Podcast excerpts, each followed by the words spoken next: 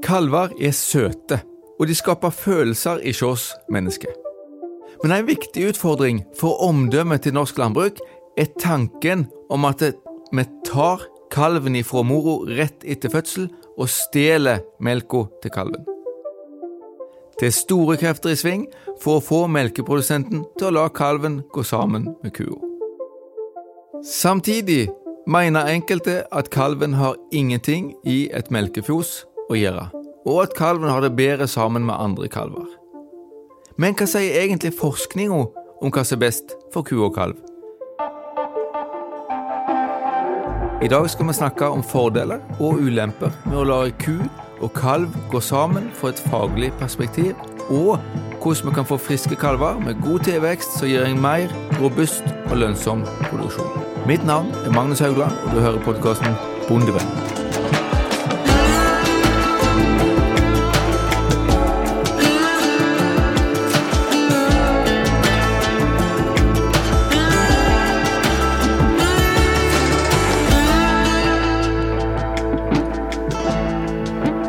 Podkasten Bondevenn blir presentert i samarbeid med Sparebank1 SR-Bank og Tveit Regnskap.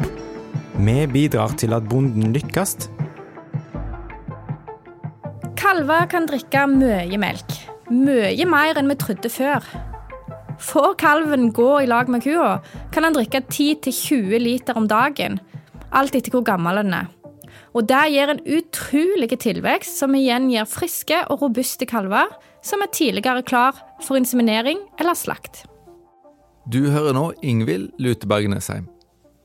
Uansett om du lar kalven gå med kua, eller om du tar kalven ifra og fôrer den sjøl, så tåler den store mengder melk. Før vi fordyper oss i ku-kalv-problematikken, bør vi se litt på hvordan vi best mulig kan fôre opp en frisk og robust kalv ved vanlig melkefôring. I de gamle lærebøkene var det opplest og vedtatt at kalven ikke kunne drikke mer enn to liter i slengen.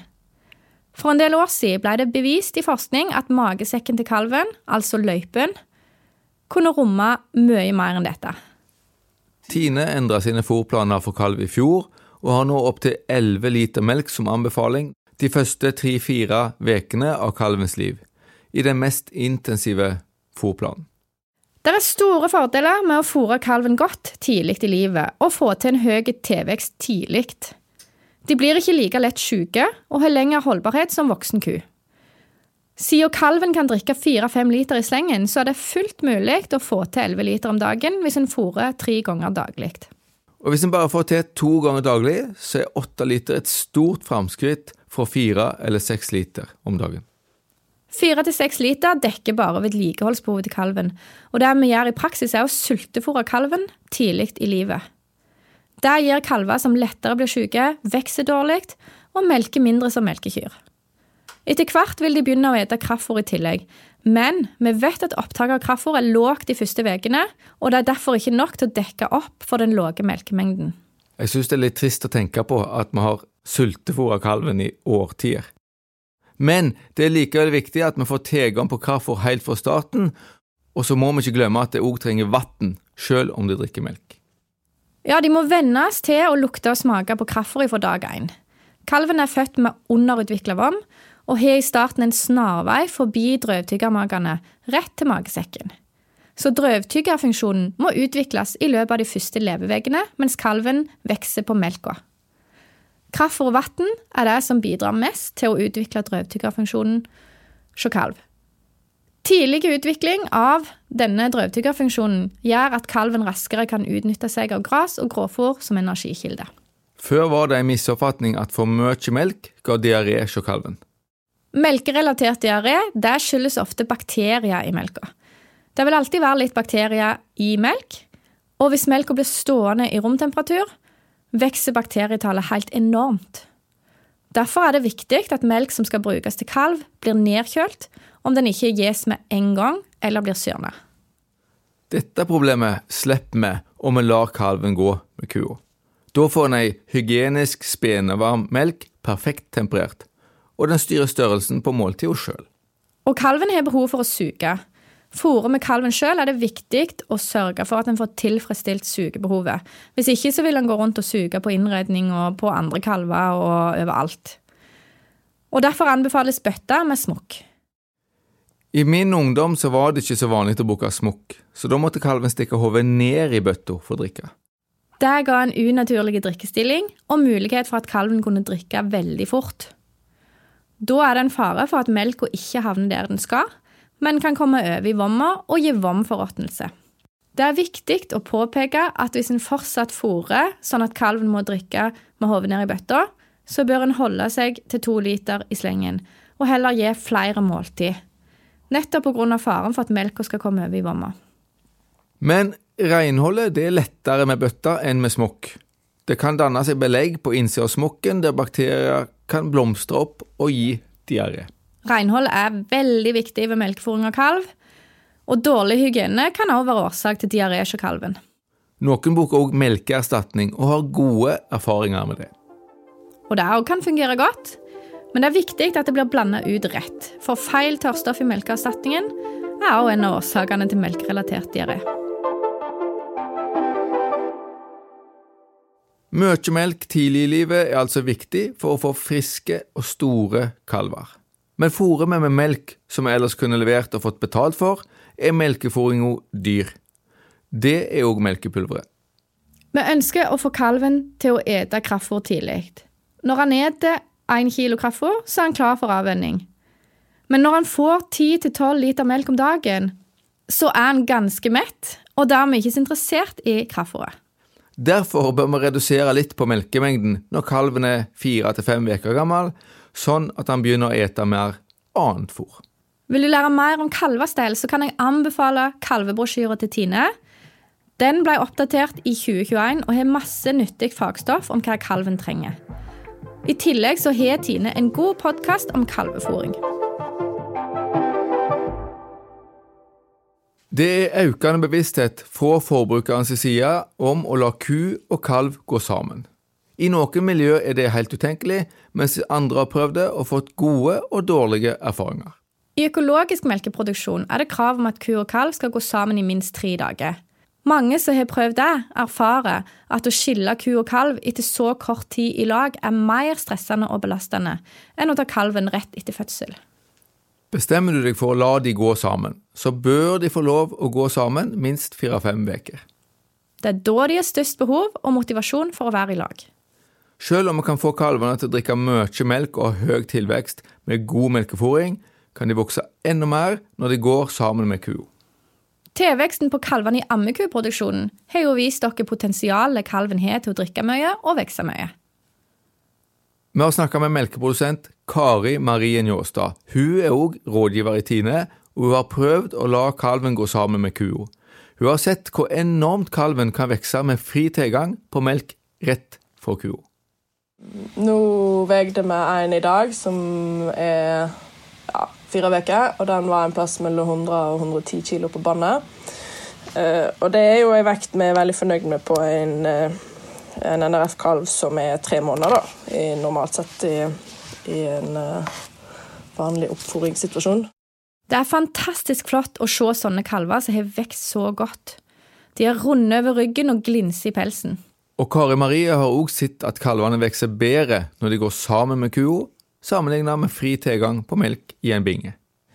Eh, vi har eh, fri tilgang på melk med bøttefòring, altså smukkbar. De har fri tilgang på melk eh, hele dagen i bar. Og de blir på ingen måte samme tilvekst på dem, selv om de har, eh, selv om de har så mye melk de har lyst til å drikke. Og de drikker ikke den melkemengden, da. Det ser vi. De, da ligger de kanskje på en plass mellom 10 og 12 liter i døgnet. Så er det jo selvfølgelig en effekt av kopiering. da. Kalver liker jo å se på, på andre hva de skal gjøre. da, Og de som går med mor eller ammetanter, de har jo en mal for hva de skal finne på. Det har jo ikke nødvendigvis alltid de i bingen. da. Så da, den effekten vet vi jo ikke, om det er det som gjør det. Men jeg øh, oppfatter nok at de drikker en hel del melk, mer melk, de som er med ei eller med mor. da. Kari Marie har prøvd dette i et båsfjos. Der er det mulig å lage grinder bak båsen til kua og la kalvene gå der. Men da er det viktig å passe på at de ikke kan skade seg på innredning, riste eller lignende. Da har de halm på liggeplassen bak seg, liksom bak ristet, og så har vi litt matte på ristet, sånn at de ikke vi har en del jersi, og de jerseyklauene er veldig små, så de går ned mellom rister. Så da må du legge litt til rette, så ikke kalven ødelegger seg på ristet der. Men i mange innredninger så kan kalven komme seg ut framme, føre kua fram på fòrbrettet om vi stenger de migrene bak, så stikker de jo ut fremme da, mellom innredningen. Så det, det, er jo en del kalv i fjøset. Det er jo litt, det er jo fordi vi syns det er artig med det, for det er jo kalvemøk mange plasser. Så det er jo mye renhold og styr og stell med dette der. da. Kalver eh, flere plasser. Så ja. Det er ikke Jeg skal ha litt ekstra lyst til å gjøre det, tror jeg, før det er lurt å gjøre det. Så det er en del praktiske utfordringer og tilpassinger en må gjøre i fjoset for at dette skal fungere. Og utfordringene blir ikke mindre i et moderne fjos med løsdrift og robot. Noen har forsøkt å bare la kalven gå løst i løsdrifta sammen med kua. Da legger han seg gjerne føre liggebåsen og drikker melk både hos egen mor og hos andre som syns det er greit. Vanlige løsdriftsfjos er jo ikke tilrettelagt for kalven, og det kan bli et tøft miljø for dem. Spalteåpningene i gulvet er for store for små kalveklauer. Det er stort smittepress og mange plasser å skade seg. Men det forskes på løsninger for å kunne ha ku og kalv sammen i et sånt system. Vi har snakka med Julie Føske Johnsen fra Veterinærinstituttet, som jobber med prosjektet Smart Calf Care. Smart Calf Care-prosjektet det var et prosjekt som starta under eh, Mat og landbruk i 2019. Der eh, ble vi invitert til å være med på noe som heter Innovasjonscamp dyrevelferd. Som ble organisert nettopp for å finne ut nye løsninger, nye innovative løsninger for å bedre dyrevelferden. Og, og vi fant raskt ut at vi ville jobbe med ku og kalv. Og da var det altså Tine, Felleskjøpet, Norsøk, Veterinærinstituttet og Maurstad Holdings som ble satt sammen i en gruppe. Og vi ville jobbe med løsninger, eh, tekniske løsninger som lot det mulig å la kua besøke kalven i moderne robotfjøs. Eh, vi, vi, eh, vi visste jo at moderne løsdriftsfjøs ikke er bygd for kalven. Derfor tenkte vi at eh, vi ville ha en eh, binge som eh, passa til kalven. Som hadde det som kalven trenger. Og det er jo nemlig et gulv som er tilpassa kalven.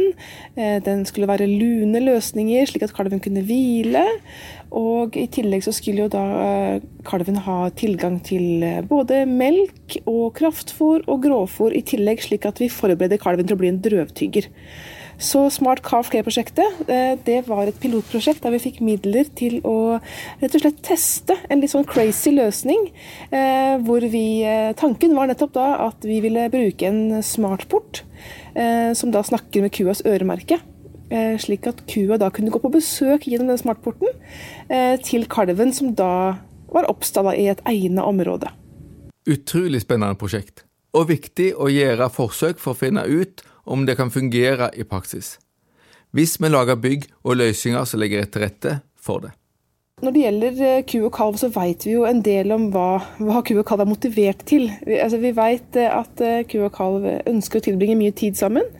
Eh, og de bruker mye tid på både å sleike hverandre, leike, die, sånne saker. Så det var jo et viktig punkt som vi måtte undersøke, om det var mulig å få til et system her. da. Så jeg kan jo først si litt om hvilke positive erfaringer vi gjorde oss i det prosjektet der. Fordi når vi starta med prosjektet, så Altså, du kan jo se for deg ehm, et VIP-område bak roboten. Eh, og i det området der så har jo kua da på sin side på en måte, hun har tilgang til alle venninnene sine. Hun har tilgang til fôret sitt og deilige liggebåser. Og melkeroboten. Og så måtte hun altså da gjennom en smartport for å besøke kalven sin. Og vi visste jo ikke om hun var motivert til å gjøre det. Nettopp fordi hun har jo mange av hennes viktige, viktigste ressurser er jo på den andre sida av smartporten. Så det var liksom det første store vi lurte på. Hvordan kom det her til å gå? Men det er en av de eh, altså, som jeg vil trekke frem da, som av de positive erfaringene. fordi vi fant faktisk at kua var ordentlig motivert til å besøke kalven sin i det systemet her. Så hun gikk på besøk sånn de første fire ukene, vel. Sånn åtte-ni ganger om dagen i gjennomsnitt. Det var en del variasjon da, mellom, fra ku til ku. Eh, så hun gikk på besøk til kalven, og hver gang hun var inne hos kalven, så var hun der ca. i 20-25 minutter. Og vi fant at ku og kalv brukte mye tid på nettopp disse atferdene som vi veit er viktig eh, for at eh, altså dette med dyrevelferd, og spesielt den naturlig atferd, skal være oppfylt. Så ca. en time om dagen brukte de på nettopp sånne atferder som å die og sleike og leike med hverandre. Så gikk kua faktisk ut igjen. Så Det var veldig morsomt. Og vi fant også at kalven la på seg masse eh, hver dag. Eh, tilveksten endte vel på rundt 1,3 kg per dag for disse kalvene her. Eh, og de ble veldig veldig runde og, og, og, fine under dieperioden. Så det var veldig, veldig morsomt å, å se. Eh, og så de røkterne som jobbet med systemet her, eh, som jo fikk en vanskelig oppgave, et helt nytt system eh, eh inne i eh, fjøset sitt, de var faktisk fornøyde med denne løsningen her. Fordi de mente at de sparte en del eh, tid, og syntes det fungerte veldig, veldig greit. Dette høres ut som det kan gi både arbeidsbesparelser og mer trivelige kalver. Men det er jo melk og bonden skal tjene penger på. Hva skjer med melkemengden og kvalitet i et sånt system? Når det gjelder melkemengde, så hadde de ikke tall på hvordan den totale ytelsen ble i laktasjonen, fordi de observerte den perioden ku og kalv gikk sammen, og ukene etterpå. I den studieperioden hvor eh, kalven dier kua, altså når kua kunne gå inn til kalven, da, da produserte hun mellom 11 og 18 kilo eh, per dag i robot. Eh, mens da, husk at da kalven hennes la på seg rundt 1,3 kilo per dag i tillegg til det. Og så brukte vi jo da ca. en uke, ti dager, på denne adskillelsen. Og etter at den adskillelsen var ferdig, så, eller i løpet av den, da, så hoppa jo da produksjonen opp til på en måte, vanlige nivåer igjen. Så da var vi oppe tilbake på 25 og 30 kilo, avhengig av om det var førstegangskalver eller Sånn at vi, vi, ser en, vi, ser at det, måte, ting normaliserer seg da, når hun kommer tilbake, eh, når kalven ikke lenger dier. Eh, men dette her er liksom noe vi jobber eh, mer med. For som sagt så var dette her et pilotforsøk, og dermed hadde vi vel bare 11 ku-kalv-par. 25-30 liter tidlig laktasjon, det er ikke akkurat toppytelse. Og det kan jo være tusenvis av grunner for at eh, de ikke melka mer enn det. Men sånn som jeg forsto det, så var de tilbake på forventa ytelse i forhold til hva den kua normalt sett hadde prestert. Det hadde jo vært interessant å gjøre samme forsøk med enda mer høyt i denne kya. Men hva med melkekvaliteten? Flere jeg har snakka med som har prøvd å ha ku og kalv sammen, sier at fettprosenten går ned når kalven får drikke av kua. Og det kunne Julie òg bekrefte. Andre studier har jo funnet at eh, kalven er jo vakent god da, til å suge til seg fett, sånn at fettprosenten kan bli lavere. Og, eh, men noen studier har også funnet en høyere proteinprosent. Eh, og det er en effekt vi ikke helt kan forklare. Kalven suger altså til seg fettet i melka. Den forstår nok fort at den feiteste melka kommer til slutt, og er god til å tømme juret sånn at den får med seg den feite melka. Det kan også forklare hvorfor de har så fantastiske tilvekst når de går i lag med kua. Kalven drikker jo ikke likt padlespennene. Ofte finner de seg favorittspenner. Heldigvis kan roboten melke enkeltspenner, og dermed sørge for jevn tømming av juret. Vi fant ikke noen eh, Det var ingen av kyrne våre som fikk eh, mastitt, så vi fikk ikke noen indikasjon på at det var noe alarmerende, egentlig. Men det jeg vet eh, at røkterne forteller, er at det blir en del sånn informasjon da, fra roboten. Så hvor den sier at det ble noen mislykka melkinger her og der. Og det handler nettopp om at, at kua ofte kommer inn med, med noen deler som ikke er tømt ordentlig. Så, så, det blir litt mer informasjon fra roboten å, å, følge opp. Og noen av kyrne trengs også å følges inn i roboten i begynnelsen. Og eh, spesielt da førstegangskalverne. Eh, så det, det blei litt ekstra jobb med, med, akkurat kyrne i begynnelsen der. For at de ikke Altså de konsentrerer seg en del om kalven sin, da, for å si det sånn. Når vi snakker med røkterne som jobber på Senter for husdyrforsøk, som var med i dette prosjektet, så er de tydelige på at det var mye ekstraarbeid. Særlig det med å fylle kyet som ikke ville gå i roboten, og fylle opp alle disse feilmeldingene roboten ga. I Båsfjord er det mer utfordrende å melke veldig skeive jur. Det blir mye bruk av propper for å stenge av det melkeorganet som går til favorittspennen til kalven. Når du lar ku og kalv gå sammen, så krever det en ekstra innsats med tanke på renhold, fordi spenekanalen åpnes og lukkes flere ganger i døgnet. Bare hør på Kari Marie sin erfaring. For det er jo klart at vi åpner jo og lukker lukke spenen mange ganger når det er en kalv som syker. da. Så det krever jo et bedre renhold eh, for juret sin del når det skal så har du åpna spennet en gang, og så skal det legge seg ned i dritten, så er det på en måte garantert at det kommer noen inn i juret der, da. I forhold til når du bare åpner og lukker spennen to ganger i døgnet, da. Så det, det krever jo mer av, eh, av det generelle renholdet, da, når en gjør det på den måten. En måte å sikre større melkeleveranse til meieriet er jo bare å la kalven få gå sammen med kua deler av døgnet, f.eks. rett etter melking. Det var òg en av de tingene de hadde undersøkt i prosjektet. I dette systemet som vi undersøkte i Smart Calf Care-prosjektet, så fikk eh, kuene gå inn til kalvene ca. fire uker. Så de fire første ukene så fikk eh, kua gå på besøk.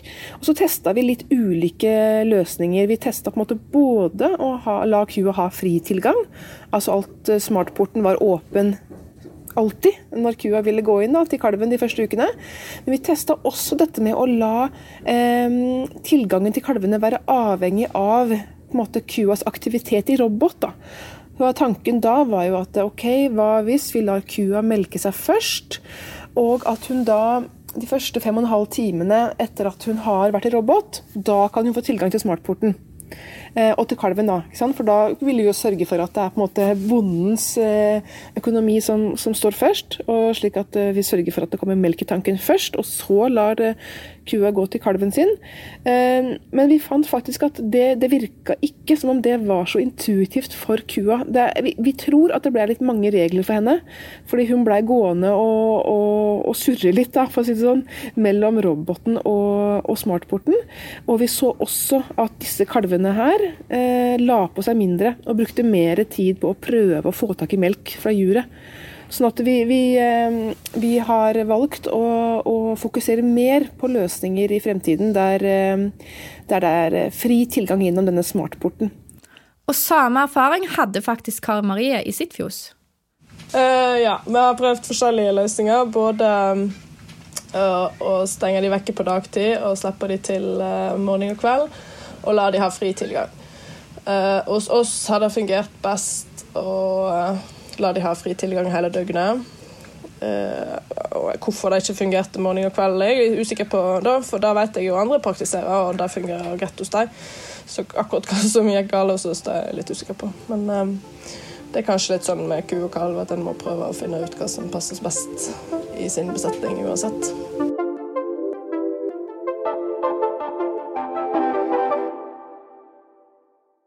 Avvenning er et kritisk tidspunkt for kalven, enten om man går sammen med kua, eller om den skal vennes av med melkefôringa. Kalven kan tidligst avvennes når den er sju til åtte uker gammel. Det er viktig at den da eter minst ett kilo kraftfôr i tre dager i strekk før melka tas ifra. Det er òg viktig med gradvis avvenning for å unngå en knekk i tilveksten. Når kalven går med kua, så er det jo òg viktig å ha fokus på rett avvenningstidspunkt. Nå kan vi høre hvordan de tenkte om det i Smart Care-prosjektet.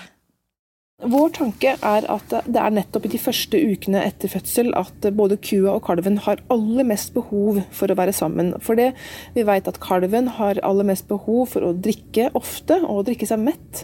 Å ha en høy tilvekst lønner seg virkelig den perioden der. Og det lønner seg jo også for kua nettopp å få dekket sine behov, og også bli dia ofte. Det vet vi også har en god effekt på, på risiko for mastitt. Ehm, men eh, på et eller annet tidspunkt så må jo ku og kalv skilles. Eh, og vi, ehm, vi, ønsker å finne et system der det er bonden som kan bestemme når det er dyrene skal skilles. Men vi tror også at eh, bonden er jo nødt til å finne noen indikatorer. Når er det dyra er klare? Og vi tror at det er ehm, nettopp litt individuell variasjon som vi må er nødt til å venne oss til og, og se etter. Og tanken vår er nemlig da at bonden skal kunne bruke data fra melkefôringsautomaten og kraftfôringsautomaten for å kunne se ok, den kalven her, har den spist noe kraftfôr de siste døgnene? Eh, og, og, om den da har det, om den begynner å nærme seg en kilo eh, kraftfôrinntak, da veit vi jo eh, at den kan være klar for å avvennes. Og da kan man jo begynne å skru ned eh, tilgangen til, eh, til mora, og det er på en måte tanken, da at man skal kunne bruke data som man får i dette systemet her, for å kunne bestemme om, eh, om kalven er klar for eh, å være drøvtygger og et liv uten, uten mora. Går kalven med kua, så er det jo to ting den mister samtidig. Både kontakten med kua og melka. I ammekuproduksjonen har mange prøvd seg på såkalt totrinnsavvenning, som går ut på at kalven får ha kontakt med mora når den mister melka. Det gjøres i praksis med at kalven får ei patteplate i nesa som hindrer diing, eller at kua får sitt jurnett, eller at ku og kalv står på hver sin side av ei grind, sånn at det kun får ha mulig kontakt. Dette skjer ikke helt uten utfordringer. Kalven kan jo miste patteplata, eller den kan klare å die gjennom skillet. Men er det vellykka, så gir det en mye mer skånsom avvenning. Kalven eter mer og vokser bedre i avvenningsperioden, og bruker mindre tid på å rope på kua. Og kua er også roligere under avvenninga. Og i Smart Calfcare-prosjektet var avvenninga en utfordring. I dette systemet her så eh, har vi eh, sørget for at kalven under, når, eh, når, når separasjonen begynner, så ville vi at kalven ikke skulle miste kua, altså mora, og melka samtidig. Så Derfor har vi da tilbudt kalven melk fra en melkeforingsautomat rundt tiden til ved separasjon, altså ved fire ukers alder. Eh, for tanken da var eh, at eh, kalven da skulle bare fortsette å drikke melk fra automaten. Slik at kalven kunne fortsette å ha en god tilvekst, og, kunne da avvennes på et seinere tidspunkt. Men vi fant at, og det er kanskje ikke så overraskende, men det var ikke så lett å få disse kalvene over fra, fra mm, juret til denne automaten. Så det streva vi litt med, og det medførte at kalvene hadde lavere tilvekst under separasjonen, og da la de på seg ca. 0,5 kg. I, en drømmeverden så skulle jeg på en måte ønske at kalvene fortsatte fortsatte da, å, la, å, legge på seg skikkelig skikkelig bra under separasjonen også. Eh, men de fikk seg også en liten dipp i tilveksten der, så dette er noe vi på en måte jobber, eh, jobber mer med. Da. Og som i Båsjord så var det jo noen som klarte å stikke av i dette systemet. Vi forventa jo egentlig at eh, de kalvene skulle prøve å stikke av da, etter kua. Når hun går ut fra denne, dette møtearealet igjen, så tenkte vi at kalven kom til å følge etter. Eh, og det gjorde de faktisk vanligvis ikke. Men det var fra tid til annen én sånn rømling som liksom fant ut uh, dette systemet her, da. Og som rømte liksom en, gang i ny og ne. Og det hendte mye mye sjeldnere enn vi trodde skulle skje. og Det ble ikke et problem sånn generelt, men det er liksom noen disse utbryterkongene. Det er disse personlighetene, da.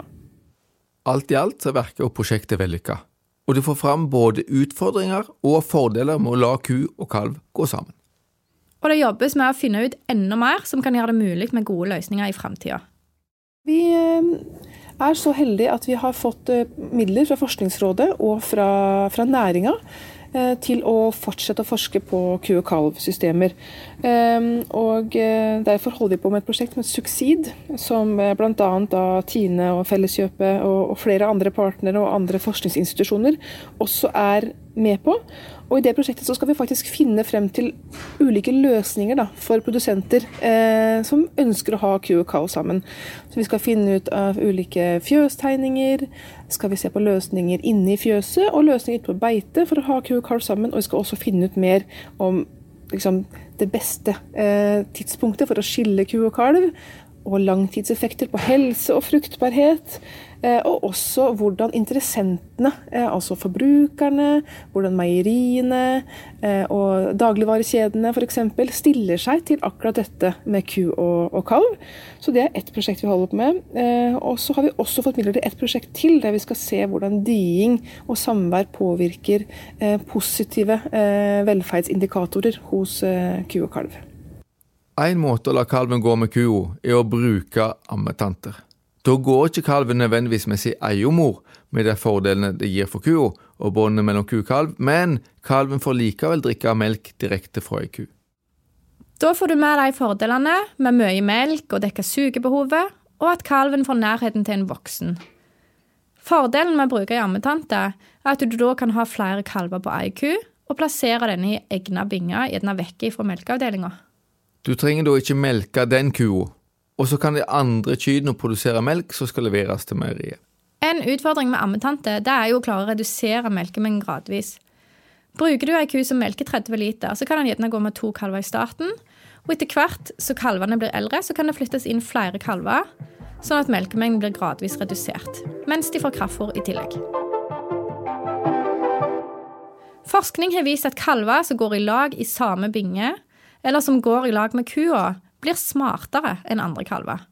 Og det kan være nyttig i moderne fjos med roboter og smartporter som gir kua mange regler å forholde seg til. En smartport er en port som slipper kua gjennom når hun har oppfylt gitte kriterier, som at du har melka seg, eller at det har gått et gitt antall timer siden sist. Et forsøk som jeg har sett på, viser at alle kalver klarer å lære seg reglene en gang. Men kalver som hadde hatt sosial kontakt som liten, hadde større evne til å forstå når reglene forandrer seg, og vil dermed kunne utnytte et moderne fjos bedre. Å få fram en frisk og robust kalv, det gir seg ikke sjøl uansett om en tar kalven fra å fôre opp sjøl, eller om en lar kalven gå med kua. Selve fødselen og tida rett etter kalving er veldig viktig for å få en god start både for kua og kalven. Her er det lurt å investere noen timer ekstra, for det kan spare deg for masse arbeid senere. Kalvinga bør skje i en egnet fødebinge. Kalven skal lande mjukt og tort, og kua må få slikke kalven, både for å få tørka kalven raskt, og for at det stimulerer kua til å skille ut hormonene som hun trenger for å gi ned melka og for at livmora skal trekke seg sammen. Og så må kalven få råmelk så fort som mulig. Og med så fort som mulig så mener vi innen to timer. Til raskere, til bedre. Immunstoffene i råmelka er store molekyler, og de første timene etter fødsel er tarmen mer gjennomtrengelig for disse. Etter hvert som timene går, blir derfor opptaket av immunstoffet lavere. Selv om kalven skal gå med kua, er det lurt å sikre seg at den får i seg nok råmelk. Vi er nøye med, altså Selv om vi har tenkt at de skal gå i lag, så er vi nøye med at vi melker første målet og gir de råmelk. For å, og da gjør vi kanskje andre mål og tredje mål òg, hvis vi ser at de ikke er på hugget nok sjøl. Så vi er nøye med den, den ja, med råmelkstildelingen da, for å få det, være sikker på at det har fått mat i seg, og at det har vært av en skikkelig kvalitet, og sånn at de er robuste nok til å klare seg sjøl litt. da.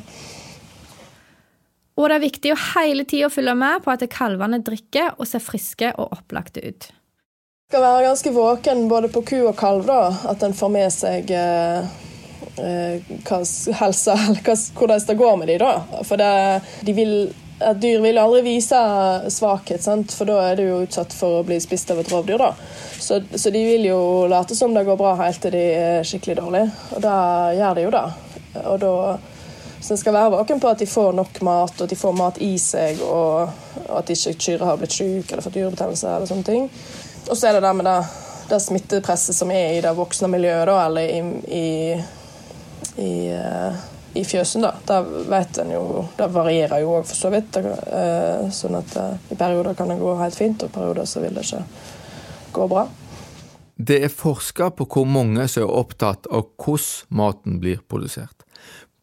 For 20 år siden så var det bare 14% som var opptatt av hvordan husdyret hadde det, men nå sier 60 av Norges befolkning at de bryr seg om hvordan maten produseres.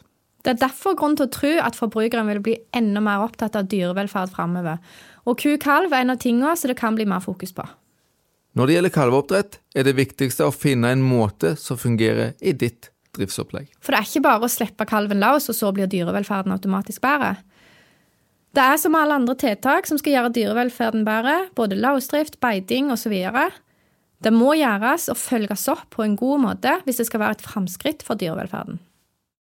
Jeg tenker at eh, det fort kan komme til å være et krav for forbrukernes side, men at det eh, ikke nødvendigvis er så lurt. Det, det, krever jo en del Det er jo lettvint når du har en halvstor kalv som drikker melk sjøl, så er det veldig lettvint. Men, men, det krever jo en helt annen eh, Ja, kyrne skal være friske, de skal være en skal være liksom på hugget med råmelk og vite at kalven faktisk drikker det, og en skal vite at han får mat av mora si. Så det, kan lett bli en del dyre tragedier òg, hvis en bare skal la kalven gå i lag med, med kyret fordi at det ser hyggelig ut på papiret. da.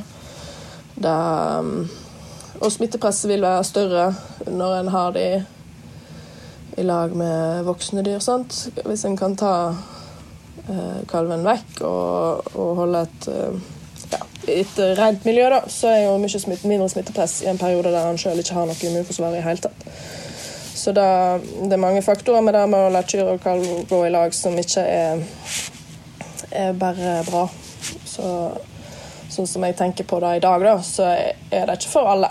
Det er noen som mm, får det til og skal gjøre det, og noen som eh, ikke skal gjøre det. Og har en ikke lyst, så tror jeg i alle fall ikke en skal gjøre det.